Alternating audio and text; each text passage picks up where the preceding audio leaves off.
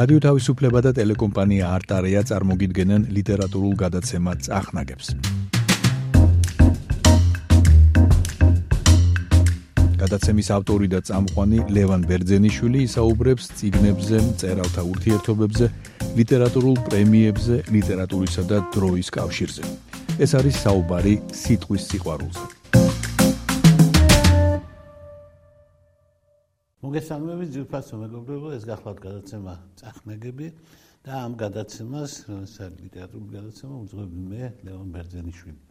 ჩვენ ამ გადაცემაში გვაქვს რუბრიკები და ერთ-ერთი ჩვენი ძველი და საყვარელი რუბრიკა გახლავთ ომნია ვინკი თამორ, ყველაფერს ამარცხებს სიყვარული და ამ რუბრიკით ჩვენ ვისაუბრებთ ნაწარმოებზე, რომელიც ერთ-ერთი ყველაზე მძლავრი ნაწარმოებია საერთოდ სიყვარულზე დაწერილ სოფლიო რომანებს შორის.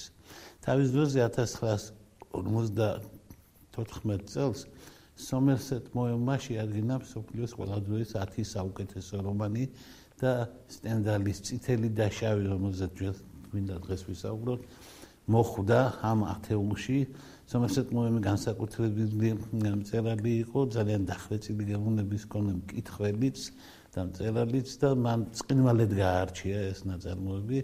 ეს არის ძალიან დიდი მწერალი, რომელმაც თავისი გზა მკითხველისკენ მრავალი წლის განმავლობაში იკვლია და სიკვდილის შემდეგ ერთი საუკუნე დაჭირდა მის აღიარებას. ძალიან უცნაური კი არის, იმიტომ რომ ამოდენა რომანი შეიძლება როგორ შეიძლება შეუმჩნეველი დარჩენილიყო. არ დარჩა შეუმჩნეველი, ოღონ გააჩნია ვინ შეამჩნევს. მაყურებელ მკითხველმა ვერ შეამჩნია თორე ორმა უდიდესმა ფრანგმა მწერალმა. ეს იყო ვიქტორ ჰიუგო და ეს იყო ჰონორე დე ბალზაკი, ორივემ შეამჩნია და მისცა უმაღლესი შეფასება.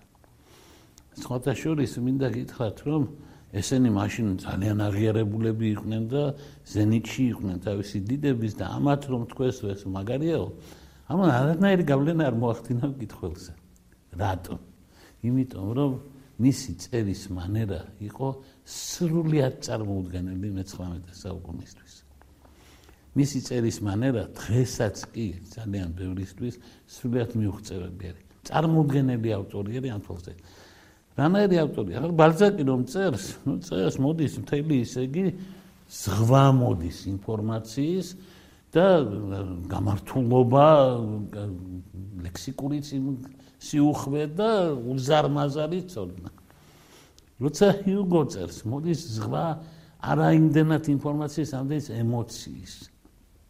და ახლა წარმოიდგინეთ კაცი, რომელიც წერს ისე, როგორც მე-20 საუკუნეში მისი დიდი მოსწავლე წერდა. ყველასთვის გამოუგნებელი დასაწყისებით მაგალითად დღეს დედა გარდაიცვალა, შეიძლება გუშინ არ ვიცი ტელეგრამა მოვიდა. აი ეს არის კამიო თავარი მოსწავლე, რა თქმა უნდა, სტილში თავარი მოსწავლე. ის იყო კაცი, სტენდალი იყო კაცი, რომელიც წერდა არაჩვეულებრივად ნათელი ლექსიკურად გაჯერებული, არა ძალიან მდიდარი და რაც თავარია ყოველგვარი პათოსის გარეშე. ასე საერთოდ ძნებია წერა, იმიტომ რომ პათოსი გულისხმობა ახლა აქ დიდი ისეთი ნებებია, კაცმა ქალს ესროლა, კინაღა მოკლა, ნებების მეტი რა არის? უბრალოდ წერალი ამ ნებებს არ მიხვდება და არ აღწევს ასევე მღელვარეთ. წერალი ამას ყველაფერს აღწევს რაღაცა გასაოცარი სიზუსტით და რაც თავარია მიუკერძოებლობით ვერ ვიტყვი უფრო მეტად რაღაცა იმ უბრალოებით, რომელიც შეუძლებელი არის, თითქოს შეუძლებელია მწერლობაში. ამიტომ ჩათვალეთ, რომ სტენდალის თარგმნა არ შეიძლება. არის, რა თქმა უნდა, ძალიან კარგი თარგმანი გვაქვს ქართველებს, რუსებს შვენიერი თარგმანი აქვს, ალბათ ინგლისელებსაც ახლა სომესეთ მოეწონა, მაგრამ ვერც კი წარმოიდგენთ რა შეუძლებელი ამოცანა არის ვიცი თარგმნა. აი ვისაც უცდია, იმას ეცოდინება. მე მიცდია და ძალიან კარგად ვიცი და ეგ შეუძლებელი არის. მე ერთ მაგალითს მოვიყვან, მარტო ერთ მაგალითს მოვიყვან, რომ ეს სტილი გასაგები გახდეს ჩვენი მსმენელისთვის და მაყურებლისთვის. რა სტილია ეს? აი მაგალითად ფინალი არის ასეთი, რომ ა კალბატონ დე რენალს სიტყვა არ დაურღვევია მან სიტყვა შეასრულა, თავი არ მოუკლოს, მაგრამ სამი დღის შემდეგ ჟულიანის აა სიტყვი დაჟის სამი დღის შემდეგ ბავშვებს ეთამაშებოდა და გარდაიცვალა. აი ასე წერია და არ შეიძლება არ გაგვახსენდეს მე-20 საუკუნის ერთი დიდი შედევრი, რომელშიც ყველაზე მნიშვნელოვანი ინფორმაციაა მოწოდებული, ის იყო მიუახლოვდი და რაღაცა უნდა გვექნა, ამ დროს ღვიდან ვიღაცამ დაიძახა და ანაბელი 4 თვის შემდეგ კუნძულ კორფუზე ტიფით გარდაიცვალა. აი ეს წინადადება, რომელიც ნაბოკოვმა დაწერა, არის სტენდალი. ანუ სტენდალი უკვდავი არის ამ ცნაურ სტილში. სტილში, რომელსაც არ ახასიათებს არც ბალზაკისებული გადაჭარბება და არც ჰიუგოსელი დამუხტულობა. სტილი, რომელიც თითქოს გაუცხოებული არის და თითქოს გვერდზეა გასული, როდის დაიწყება მე-20 საუკუნის ბოლოს ავტორის სტილის ლაპარაკი და სტენდალმა მე-20 საუკუნის მე-19 საუკუნე მაგით დაიწყო საერთოდ. ანუ ფანტასტიკურად დაახლოებით 100 150 წლით აშკარად უცლებდა იმ მოვლენებს, რომელიც წელობაში უნდა მომხდარიყო. საერთოდ მის ბიოგრაფიაში არის ძალიან მნიშვნელოვანი ელემენტები. ეს იყო აღთვანებებისა და შემდეგ გაუცხოების და აღთვანების ჩაქრობის სინუსოიდა, რომელიც მას ჰქონდა, მაგრამ იყო ერთი რამ, სადაც მან ვერასოდეს ვერ დაივიწყა ის აღთვანება და ის გამართლება, რომელიც მის ცხოვრებაში იყო. ეს იყო იტალია. ეს იყო იტალია. საერთოდ უნდა გითხრათ, რომ შეიძლება თვითონ ტერმინი ტურისტი არ იყოს სტენდალის გამოგონილი, თუმცა არის თეორიები, რომ ეს ტერმინიც მან იხმარა პირველად. მაგრამ განმარტება და საერთოდ რა არის ტურიზმი, რა თქმა უნდა, ეს ინდუსტრია შექმნა მან ერთმა კაცმა სინამდვილეში. მას ნაკლებად იცნობდნენ როგორც მწერალს. მას უფრო მეტად იცნობდა როგორც ესე იგი იმ ციგნების ავტორს, რომელიც გვასწავლის რა უნდა ვნახოთ იტალიაში, იტალიის ღირსშესანიშნაობანი. ან მაგალითად მოცარტის ბიოგრაფია, ჰაიდნის ბიოგრაფია. მოულოდნელად შეიძლება ვინმე ნაკლები მნიშვნელობისას აღმოჩენილიყო. იტალია იყო მისი აღმოჩენა. მან თავისთვის აღმოაჩინა იტალია. იტალია რთული ქვეყანაა, რა აჭრის მას თითქოს აღმოსაჩენი ერთის მხრივ, მაგრამ ეს ნამდვილად ერთი მხრივად, იმიტომ რომ ის იტალია, რომელიც დაინახავს ნენდელმა ტურისტებისთვის მიუწვდომელი არის, კი მაგრამ ძალიან ცადა. სვაჩორის ეს მეტსახელი, ეს მისი ნამდვილი სახელი არ გახლავთ. სვაჩორის კიდე ვერ მარიცის რომ მაგას კიდე სახელიც აქვს. ანუ სტენდალის გარდა კიდე ფრედერიკ სტენდალი ქვია. ეს კლიენტად თავიდან ბოლომდე გამოგონილი ამბავია, სინამდვილეში ეს იყო ანი მარი ბეილი, ასეთი კაცი, დაიბადა იგი საფრანგეთის ერთ-ერთ ყველაზე ლამაზ ქალაქში, პატარა ქალაქში გრენობლში, რომელიც ცნობილია ბევრისთვის იმით, რომ იქ ოლიმპიადა ჩატარდა ზამთრის სახეობებისთვის, ზოგისთვის ცნობილია იმით, რომ იქ არის მუზეუმი, სადაც რომელიც აშენდა იმ კოლექციისთვის, რომელიც ჰქონდათ, იმიტომ თითოეულ ნახატს უნდა ჰქონდეს თავისი ბუნებრივი განათება, ასეთი მუზეუმია. და თეატრი, სადაც ერთადერთი თეატრი სოფლიოში, სადაც სცენის მაგვირად ბრუნავს მაყურებლის დარბაზი, სცენის ირგვლივ. და შეგახედე მე ხოლმე უკანა ხდება და გატრიალებენ იქით აქით. ბევრმა ამით იცის გრენობლი, მაგრამ ნუ ახლა სამყაროთვის გრენობლი არის სამშობლო აი ამ უზარმაზარი მწერლისა. სხვათა შორის ისე უყვართ ფრანგებს, ისე უყვართ ფრანგებს, რომ ძალიან უნდათ ხოლმე რაღაცნაირად ის მიაგონ ის პატივი რომელიც დააკლეს სიცოცხლეში და ამიტომ მაგალითად 2016 წელს მახსოვს როკოპერა დაიწერა სპეციალურად დიდი ხმაური ახლა მე სპეციალურად ჩავედი მაგრამ ვერ გაამართლა ჩვენი იმედები. არ არ აღმოჩნდა ისეთივე წარმატებული როგორც თქვა მიუზიკლი რომელიც ჰიუგოს პარიზის ფიშობის ტაძრის მიხედვით დაიწყო. მაგრამ თვითონ იმ ცდელობაში რომ როკი როკში უნდა ყოფილიყო ის გამოსახული გამოიხატა ის ამ თანამედროვე არის სტენდალი. როგორ უყვარს ის ახალგაზრდობას? და როგორ უცნაური არის რომ ეს ამოდენა წერალი მოგეუბნებით ესე იგი სულ ზღაფავდა სიგარიბეში ჩაცმადა და ხურვა უყვარდა ქალები უყვარდა ახლა ჭეშმარიტი ფრანგი იყო. უიმედოთ იყო ვისკონტინიზე შეყვარებული იტალიელ თავადის ასულ ქალზე ძალიან ბევრი უიმედობა იყო მის ცხოვრებაში და რაც თავია ძალიან ამოვარდნილი იყო თავისი დროიდან. და დაიწყოთ სათაურით. ვინ არქმევს ციკს ასეთ უცნაურ სათაურს? წითელი და შავი. საერთოდ რას არქმევდნენ ხოლმე ციგნებს? პოლი და ვირჟინი მაგალითად, რომეო და ჯულიეტა, ხოსროვი და შირინი, ლეილი და მეჯნუნი და ასე შემდეგ ახლა ბოლოს და ბოლოს ჩვენი გენიალური ვეფხის ტყავოსანელს ეს ორი ერთში არის გაერთიანებული. და ამან არა, მაინდა-მაინც ესეთი უცნაური სათაური მოიფიქრა, რომელზეც დღემდე არის დიდი მსჯელობა, ას უნდა ნიშნავდეს. ტრადიციულად ყველაზე უფრო ახსნად და გასაგებ ასე ვთქვათ ინტერპრეტაციად ითვლება, რომ წითელი და შავი არის თავარი მოქმედი გმირის გლეხი ოჯახში გაზრდილი ინტელექტუალის და საინტერესო უაღრესად პიროვნების ჟულიან სორელის ორი შანსი ცხოვრებაში.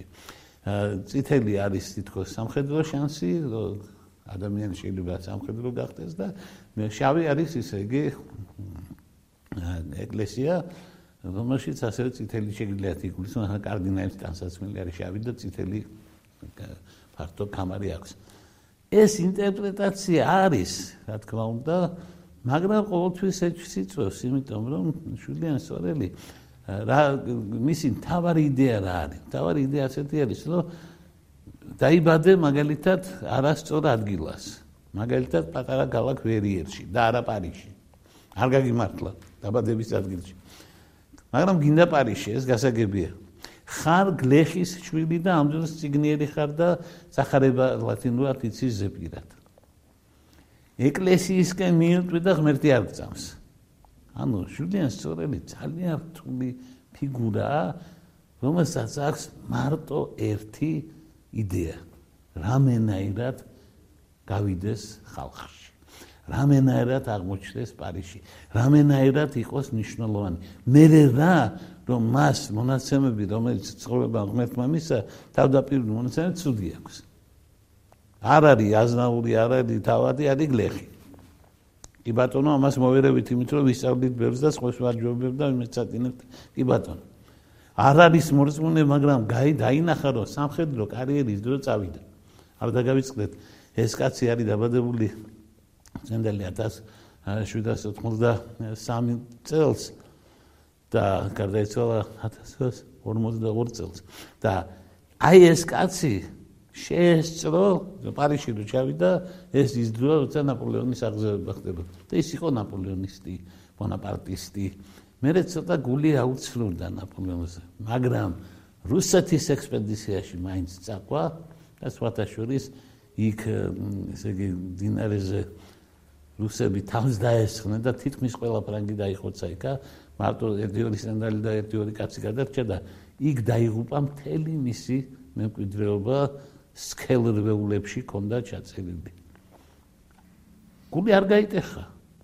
ახლა იცით, ლიტერატურაში ასეთ რამეები ხდება. ცნობილია, რომ ჰემინგუემ დაკარგა ჩემოდანი, რომელშიც იყო მისი რომანი. გალაქტიონმა 1927 წელს დაკარგა პორტფელი, რომელიც ავსე იყო მისი ლექსებით. მე იქნა რა აღადგინეს რა არ აღადგინეს არ იცის და სტენდალმა ბევრი დაკარგა მაგრამ მიუხედავად ამისა არ გადხდა და თავისი თავარი რომანები მაინც დაწერა ну ძირითადად ესა ორი რომანი ესა ბოლოს დაწერილი პარმისავანე შესანიშნავი ციგნი მაგრამ ესაა წითელი და შავი რომელიც აღემატება პარმისავანეს და ყველაფერს რაც კი დაწერილა ჩემი აზრით რაც კი საფრანგეთში დაწერილა ასეთი არაფერი არაფერი არ დაწერილა. ძალიან უცნაური არის ეს რომანი იმის მიხედვით, რომ რომანში არის ყველა რომანში უნდა იყოს საიდუმლო, რა თქმა უნდა, ასა ლიტერატურა უყვარს საიდუმლო და მე ანაგნორისმოსი, ანუ ამოცნობა და ასე შემდეგ. ძალიან უცნაური საიდუმლო არის ამ რომანში. ამ რომანში თავარ მოქმედ გმირს თავისი თავი ცუდი კაცი ჰგონია. და ცდება ეს ამ რომანის ყველაზე ღრმა ფიქრი ყველაზე ღრმა ჩანაფიქრი არის რომ ჟულიან სორელს თავისი თავი გონია ცუდი კაცი იმიტომ რომ სიყვარული გამოიყენა ამ თავისი წინსვლისთვის იგი იმ ოჯახში სადაც გუბერნიორად მოიწვიეს იმიტომ მე დიდული ხალხი იყვნენ ეს ტერენალები და უნდათ რამეთი გამორჩეული ყოფილიყნა აი ბავშვებისთვის გუბერნიორი ეს თითქმის პარიზული დონე არის ასე თქვა პარალა კალაკისთვის და ამ ბიჭმა იზრუნა რომ რამენაერად ესე იგი ზემოთ აღმოჩენილი იყო. იმ თვალსაჩინოდ რომ ჯერ ოჯახში მიღებული არისო შეკითხვა დასვა. სად ისადილებს ის ვისთან ერთად ბატონებთან ერთად თუ მსახურებთან ერთად. და გაიგო რომ ბატონებთან ერთად უნდა ისადილოს ვინ ჩააცმევს როგორ ჩააცმევს და ანუ ყველაფერი აკეთა იმისთვის რომ კარიერა გააკეთებინა. და თავისი თავი ოდნავ ზულდა მის გამო. სანამ ბოლოს არ აღმოაჩინა რომ თურმე არ ყოფილა ცუდი კაცი ეს არის ის აღმოჩენა რომელსაც ჩვენ ერთად ვაკეთებთ. ეს აღმოჩენა რომელსაც მკითხველი და წერალი და პერსონაჟი აკეთებენ ერთად. უცებ დაინახავ რომ არ ყოფილა ისე როგორც მას ეგონა. თვითონაც გაოგნებული არის. უნდა გითხრათ რომ კამიუმ მეტყვილად არ მიხსენებია? კამიუმ თავის თავარ ფილოსოფიურ ესეში რომელიც ჩემი აზრით აი კამიუ არ იყო სისტემატური ფილოსოფოსი მაგრამ ჩემი აზრით ყველაზე ღრმა მე-20 საუკუნის ყველაზე ღრმა ფიქრი გამოხატა მან როდესაც მან თქვა რომ სიზიფოსი უნდა განვიხილოთ როგორც ბედნიერი ადამიანი ანუ ეს ტანჯვა რომელიც არის ჩვენ ცხოვრება რომ რაღაცა მოდებს მივაწევთ ზემოთ და გვიგორდება და სხვა ეს უნდა განვიხილოთ როგორც ბედნიერი ადამიანი და დასაყრდენი მას აქვს ანგლ ლიტერატურაში ჟულიან სორელი რომელსაც თავი უნდა მოკვეთოთ უნდა განიხილოთ როგორც ბედნიერი ადამიანი ესა ციგნი ბედნიერებას ესა ციგნი როგორ იპოვა ადამიანმა ბედნიერება ну წარმოუდგენლად გაუცაზლის პირობებში. როდესაც იგი მარტო იმიტომ დასაჯეს სიკვდილით რომ მან გაბედა და გლეხმა ბიჭმა დააპირა ხალხში გამოსულიყო. ანუ ის ოცნება რომელიც დღეს ყოველას განაპირებულად შეუძლია კონდეს რომ მისგან რაღაცა შეიძლება დადგეს და ვისახსოვს ახლა რომ ნორმა ჯილი არავინ არ იყო.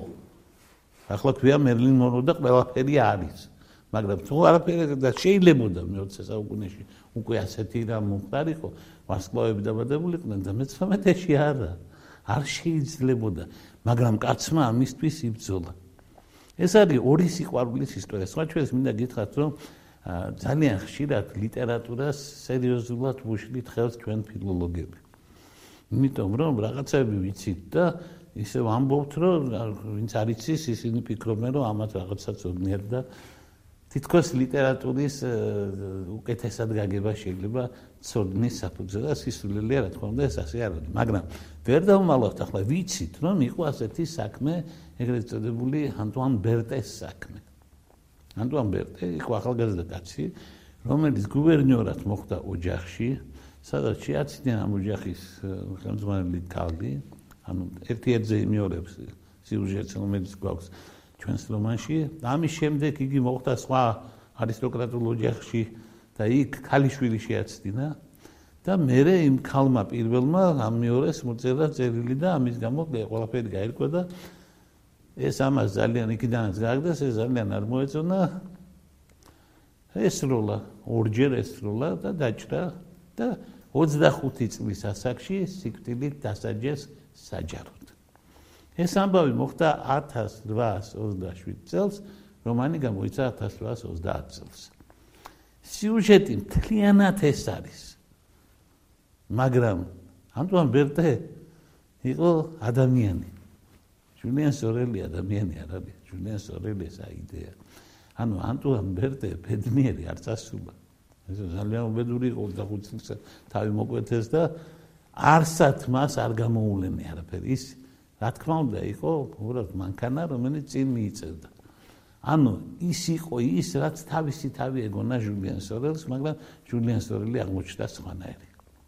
გარაუცნაურია რომ ამ კაცმა არა მარტო თვითონ იპოვა სიყვარული არამედ მის მიმართ იპოვა სიყვარული და აპატიეს ის ერთი ქალი მეორეს პატიოს ის უყვარდა და არა ის თქვა მისი თავი წაიღო მისმა შეყვარებულმა. ახლა აქ არის უცხინვალესი ისტორიული ამბავი. არ დაგვაიწყდეს, რომ ეს არის კაცი, რომელმაც ევროპას და მსოფლიოს ბევრად უფრო ადრე ვიდრე მსოფლიოს ამის უნარი ექნებოდა აჩუკა შექსპირი. შექსპირის აღიარებაში ამ კაცის როლი გადამწყვეტი აღმოჩნდა. მან დაწერა წინვალე ასეთ ნაშრომი რასინი და შექსპირი. და მიუხედავად იმისა, ფრანგი იყო და ფრანგებს რასინი უყვარდა, უნდა უყვარდეთ, იმიტომ რომ რასინი არის სიტყვის ისეთი ოსტატი, როგორც პოეტი, შეიძლება შექსპირი ვერ შეეჯიბროს, როგორც პოეტი. მაგრამ როგორც დრამატურგი, რა თქმა უნდა, შეიძლება არც შეეჯიბრება და სულ სხვა სხვა დონეა და ამან აჩვენა რატომ არ არის რასინი შექსპირი. და რა არის საჭირო იმისთვის რომ შექსპირი დავინახოთ და თვითონაც ასეთი მწერალი აღმოჩნდა. მაგრამ ყველაზე მთავარი რაც არის როგორც თქვით არის ის რომ ადამიანმა აღმოაჩინა რომ მთელი ცხოვრება კალბატონი დერენალი ყვარებია. კალბატონი დერენალი სახე ერთ-ერთი ყველაზე უცნაური სოფლიო ლიტერატურაში იმიტომ რომ არაფერი არ აქვს პატიოსნების გარდა და მაინდამაინც ამ პატიოს კავს მუზეა ქმრის და ოჯახის ღალატი პატიოსნების გარდა არაფერი არ აქვს. არის რაღაცა უცნაური მომხიბლელობა ამ ასე წრეს გადასულ პატიოსნებაში. ეს არის ქალი რომელსაც რომელსაც შვილი ავად გაუხდებოდა ის ჩათვლის რომ მისის ნეობრივი ნაბიჯი ასე იქნა დაჟილი ეს არის ქალი რომელიც მოაწერს ხელს ისეთ ქახალს სადაც ნათქვამია რომ ჟულიან სორელის უნდა გაუქმდეს ეს ადამიანი უნდა გაქრეს უნდა ისეთ ქახალს მოაწერა ხელი და მას არ დაუწერია. არ დაუწერია მღდელმა დაწერა რა თქმა უნდა. საერთოდ მინდა გითხრათ რომ ანტიკლერიკალური განწყობები და სამღდელოების და ორგანიზებული რელიგიის ანუ ეკლესიის წინააღმდეგ ასეთი ტიპის ამ მასშტაბის შეტევა სოფლიოსთვის ალბათ სულიად წარმოუდგენელი იყო ეს იყო კაცი, რომელიც ამ დარგში, ასე ვთქვათ, პიონერია ერთ-ერთი და უშიშარი, უშიშრად შეუტია ვერიტანდა. მღვდლებს ვერიტანდა და ასთავია კლინიკალურ განწყობებს ძალიან სერიოზულად ეუბნებოდა. შინაგანად მას მან ნაჩვენა, ვთქვათ, როგორია შესაძლებელი კარიერის გაკეთება, არ გწამს ღმერთი, მაგრამ სამაგერად სახარება იცის ზეპირად. და ეს თითქმის ცირკის დონეზე იყო, ახლა რა არის ხოლმე საჩვენებელი გამოსვლები, ამას ეტყოდნენ და მივიდა მასთან იესო და მე ის გააგზელებდა ხოლმე ლატინურად. და ამბობდა რომელი გვერდია, რომელი თავი არის, რომელი ქვეთავია და ასე შემდეგ. აი ეს მას ის იყო წინვალე მასწავლებელი, თქო უნდა ბავშვებს ის უყვარდა და ყველაფერი. და ის იყო კაცი, რომელიც თავის თავს ნელ-ნელა ეძებდა და იპოვა მაშინ, როდესაც სიკვდილი ქონდა უკვე მიჯილი. ამის შემდეგ მან იპოვა თავის თავში ის ძალა, თურმე როგორ ყვარები ეს კელა. ახლა თავისთავად ისტორია ძალიან უცნაურია, ახლა წარმოგიდგენთ იმ ოჯახის მდგომარეობა, სადაც ვიღაცა საყვარელმა საყვარელს ესროლა და ეს მეორე საყვარელი იმ მომაკვდავ კაცთან მომენტ ხვალზე უნდა თავი უნდა მოკვეთონ, იმასთან ყოველდღე დადის როგორც სამსახურში, ესე იგი და თელ ქალაქში თავჭრის და ქმარსაც, შვილებსაც და თელ საზოგადოებასაც, იმიტომ რომ აბა რა მისთვის მოკლეს ის კაცი. თუ კი ის ასეთ სიყვარულს იმსახურებდა, მისთვის ყდება ეს ადამიანი და ფაქტობრივად ეს არ არის მარტო ჟულიან სორელის კლუბობა, ეს არ გახლავთ მადამ ლუის დერენალის კლუბაც.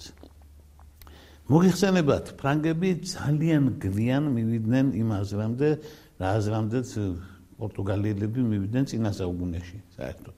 ციკლი დაჟასთან დაკავშირებით ფრანგები ძალიან ფეხს ითრევდნენ.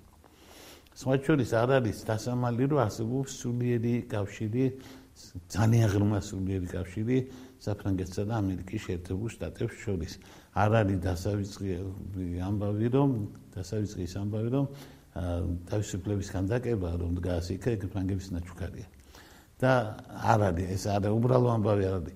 და როგორც ამერიკაში ფეხსითრევენ დღემდე სიკვდილი დაჯით გაუქმდა საფრანგეთის ფეხსითრევდა და იმ წლებში როდესაც ეს საკითხი წყდებოდა იმიტომ რომ ფრანსუა მიტერანმა საპროგრამოში თქვა რომ მე თუ გავხდი პრეზიდენტი მე ამას გავაკეთებ.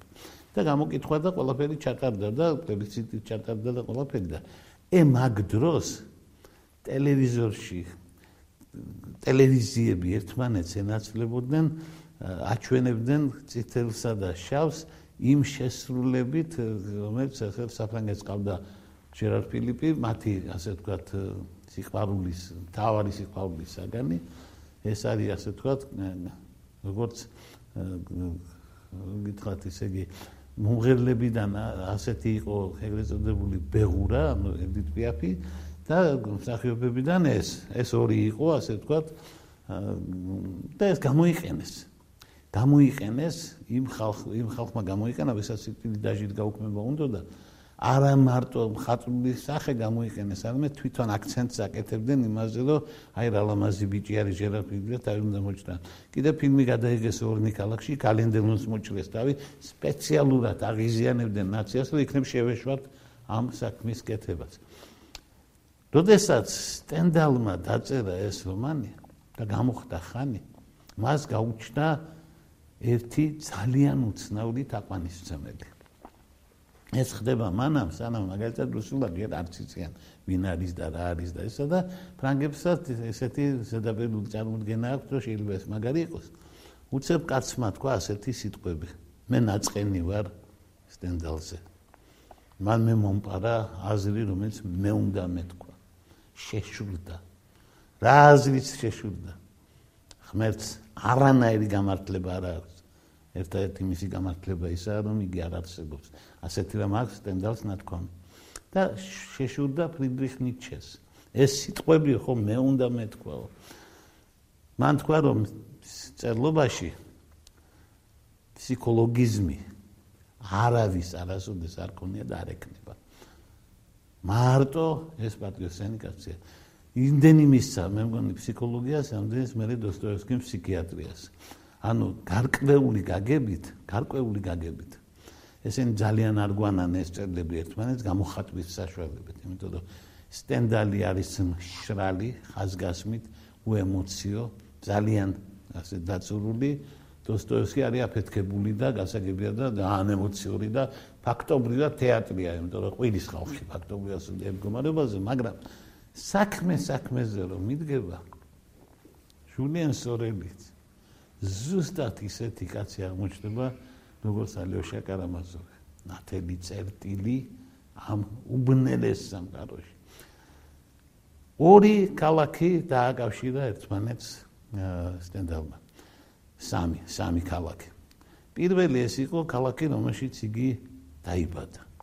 მან სახელი და დიდება მოუტანა ამ ქალაქს იმიტომ რომ არც ოლიმპიადა და არც არქიტექტურული ნაგებობები ვერ შეიძლება იმას, რომ იქ ამხელა კაცი დაიბადა. მეორე გახლავთ ის, რომ თავის რომანში მან როდესაც მას სიკვდილი დაჟა და ასეთი რამეები დაჭირდა, პატარა ქალაქი ვერიერი ვერ კაჩავდა ამას, იმიტომ იქ ასეთი რამე ვერ გამართებოდა და ამიტომ არსებული ქალაქი ბეზანსონი გამოიყენა, რომელიც ჰიუგოს დაბადების ქალაქია. და ბოლოს და ბოლოს მან დაირქვა სახელად სტენდალი, იმიტომ რომ გერმანელებს ყავდათ კულტურტრეგერი ვინკელმანი, რომელმაც ანტიკურობა უხსნა მსოფლიოს და ყველაფერს პიცა ვინკელმანი რო არ ყოფილიყო. ანტიკურობის გაგება მსოფლიოს არ ქონდა და მე ისეთი სიბძნეები წამიკითხავს თუნდაც ისეთი დიდი ხალხისგან როგორც ჰეგელი და გოეთეა რომ ანტიკურობის გაგება არ იყო ეთყობა იური და ვინკელმანი იყო ამის კაცი. შეშურდა. რომ ვინკერმანმა დაასრულა. და ვინკერმანის ქალაქ სადაც ის დაიბადა პატარა ქალაქი გერმანლა შტენჰალი ქვია და აიღო სახელი და ფრანგულად იგი ჟღერს როგორც სტენდარი ანუ ვინკერმანის პროფესიას მოპარა ქალაქი და ბოლოს ბოლო რაც შეეძლო გააკეთა საფლავის ქვაზე მოითხოვა წარწერა. ამბი მარი ბეილი სტენდალი მილანელი. მილანელი არ იყო დედასვიცა მაგრამ თვითონ ამბობდა რომ იტალიელი ვარ მე. ეს მოწონდა მილანელობა უნდა და მე წერია იტალიურად. იცხოვრა უყვარდა მოკვდა. აი ამ სამი სიტყვისთვის რომ იტალიურად დაწერილიყო სპეციალ ნახაზი დატოვა და ანდერძი დატოვა და აღწერა იქა